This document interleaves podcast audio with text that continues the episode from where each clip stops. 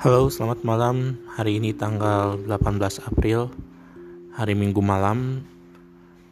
Gua lupa ingat, tapi kalau nggak salah malam ini adalah malam kelima apa keenam Ramadan gitu ya. Dan gue sekarang lagi ada di tempat bapak gue, bokap. Uh, di sini gue mau sharing ya. Ini udah malam sih, udah jam 21.30 tapi gue ngerasa hal ini penting dan harus gue share kepada kalian semua gitu. Oke mungkin keluhan pertama ya mungkin saat kita menjadi dewasa adalah gue pengen baik lagi jadi anak-anak. Seperti itu ya. Mungkin kalian sering deng sering dengar ya kalau misalkan ah lebih enak dulu pas bocil gitu kan pas kita kecil gitu kan hidup tuh cuma main senang-senang sama teman ya mungkin nangis abis itu udah bahagia aja seterusnya kayak gitu. Ya memang seperti itulah hidup anak kecil ya dunianya dunia main gitu seperti itu. Nah berlahan-lahan saat kita kecil kita ingin berubah. Wah gue kayaknya lihat anak SMP keren. Gue lihat anak SMA keren gue lihat anak kuliah tuh keren gitu kan. Dan kita ingin cepat-cepat dewasa gitu.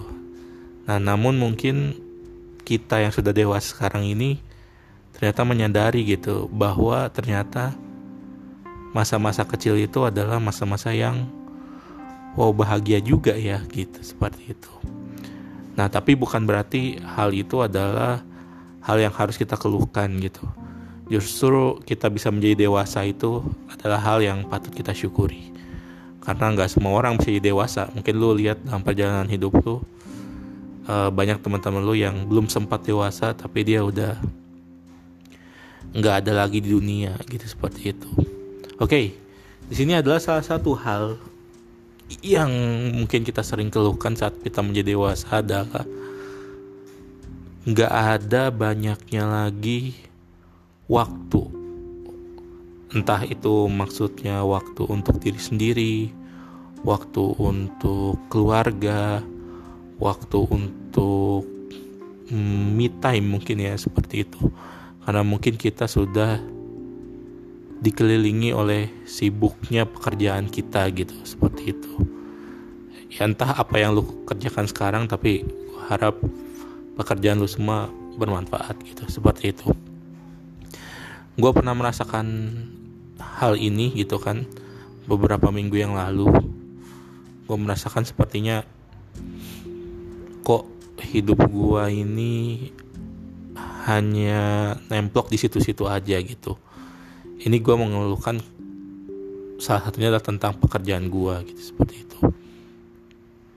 Kenapa? Karena sebenarnya pekerjaan gue ini adalah pekerjaan yang gampang sebenarnya tapi memang menuntut banyak waktu seperti itu. Banyak waktu banyak perhatian.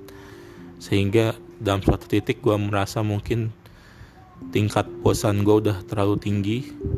Stres gue juga udah terlalu tinggi gitu kan seperti itu. Dan gue ngerasa ah kok gini sih? Gitu seperti itu. Kayaknya nggak ada waktu banget gitu buat gue sejenak menghela nafas sejenak istirahat gitu seperti itu itu kok kayaknya nggak ada gitu seperti itu. Sampai suatu ketika gua pergi ke atau berkunjung ya ke salah satu rumah kakak kelas gua. Seperti itu. Dia ini seorang pengusaha peternakan seperti itu. Uh, udah lumayan panjang juga karirnya gitu kan seperti itu dia pernah jadi konsultan juga. Sorry serap. Dia pernah jadi uh, relawan juga sosial segala macamnya. Tapi alhamdulillah gue lihat sampai sekarang ini ya perkembangannya lumayan bagus lah ya seperti itu.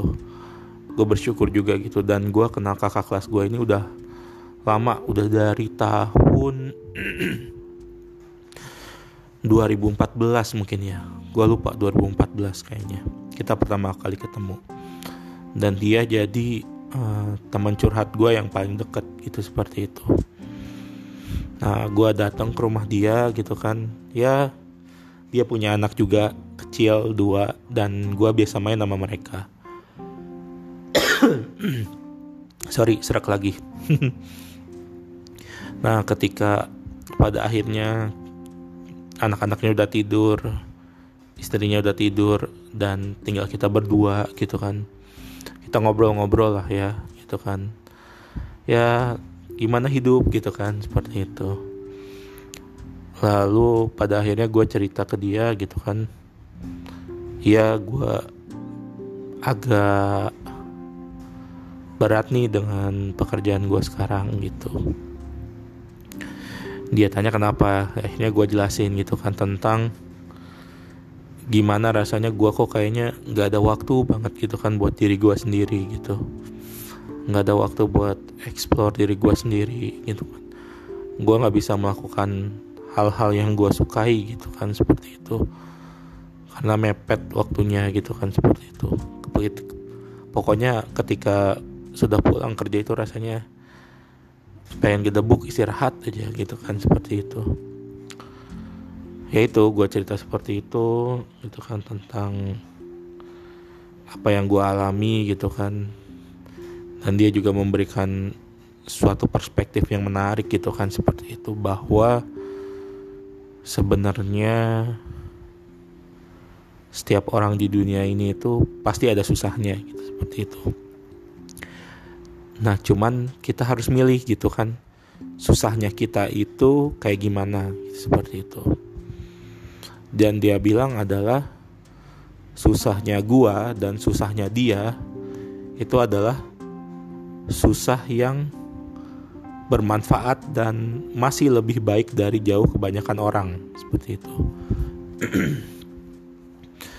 dia pernah ngasih satu ilustrasi ya. Ini bukan membandingkan ya, tapi justru dia bilang adalah dengan melihat hal ini dia harap gue bisa jadi lebih bersyukur gitu kan. Jadi dulu uh, dia pernah jadi uh, relawan gitu kan. Bukan relawan ya gue lupa lagi posisinya apa gitu kan. Tapi intinya adalah posisinya itu semacam kayak yang harus tanggap kalau ada orang yang minta bantuan gitu ya gue lupa pokoknya sekitar tahun 2018 2017 2018 ya kayak gitu kan Nah, dia itu bersama teman-temannya di Badan Amil Zakat Nasional itu keliling-keliling kota Jakarta. Itu udah malam pokoknya. Pasti ada dalam seminggu sekali itu mereka eh, keliling-keliling seperti itu. Nyari orang yang benar-benar butuh bantuan gitu. Nah, udah jam 11 malam, jam 12 malam belum ketemu tuh tuh kira-kira orang mana nih yang harus dikasih bantuan seperti itu nah ketika akhirnya ketemu adalah banyak ditemukan orang-orang yang ternyata nggak seberuntung kita gitu dia menemukan kakak kelas gua ini ya. Dia menemukan ada seorang kakek-kakek itu kan. Umurnya mungkin udah sepuh gitu ya udah 70 tahunan ke atas gitu kan. Waktu itu ketemunya di sekitar daerah Tanah Abang kalau nggak salah ya. Nah di daerah Tanah Abang itu dia jalan kaki gitu kan sambil bawa tisu berapa pack ya? 20-an pack kalau nggak salah seperti itu. Pas ditanya bapak mau ke mana? gitu kan seperti itu. Jam 12 malam itu dia bilang saya mau ke daerah Bintaro katanya. Oh Bintaro jauh sekali pak gitu kan seperti itu. Iya soalnya saya ini mau jualan tisu gitu kan dekat lampu merah di daerah sana gitu kan seperti itu nah itu bayangkan ada orang yang mungkin di saat kita malam harinya beristirahat mereka masih harus berjuang gitu. Atau iya di saat-saat kita mengeluh gitu kan sibuk bekerja gitu kan seperti itu. Tapi ternyata kita masih punya atap untuk tinggal gitu kan makanan untuk dimakan seperti itu ya ternyata kita jauh lebih beruntung daripada mereka gitu seperti itu. Nah, dari situ ya gue dapat perspektif baru. Ya bahwa hidup yang kita jalani itu ya ya sudahlah kita syukuri aja gitu kan seperti itu.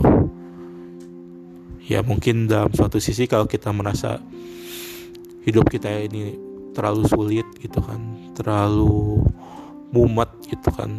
Kita udah sampai tingkat stres yang wah kita udah stres banget gitu kan. Ya mungkin saran gue adalah lu semua perlu berhenti sejenak gitu kan. Berhenti sejenak habis itu lu lihat sekeliling lu gitu kan.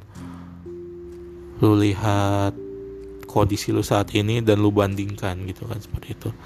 Ternyata banyak dari mereka yang gak seberuntung kita gitu itu aja yang gue mau share sih untuk malam ini ini juga ternyata Alfamart depan tempat bapak gue udah mau tutup udah malam ya kayak gitu ya semoga bermanfaat buat kalian Terima kasih.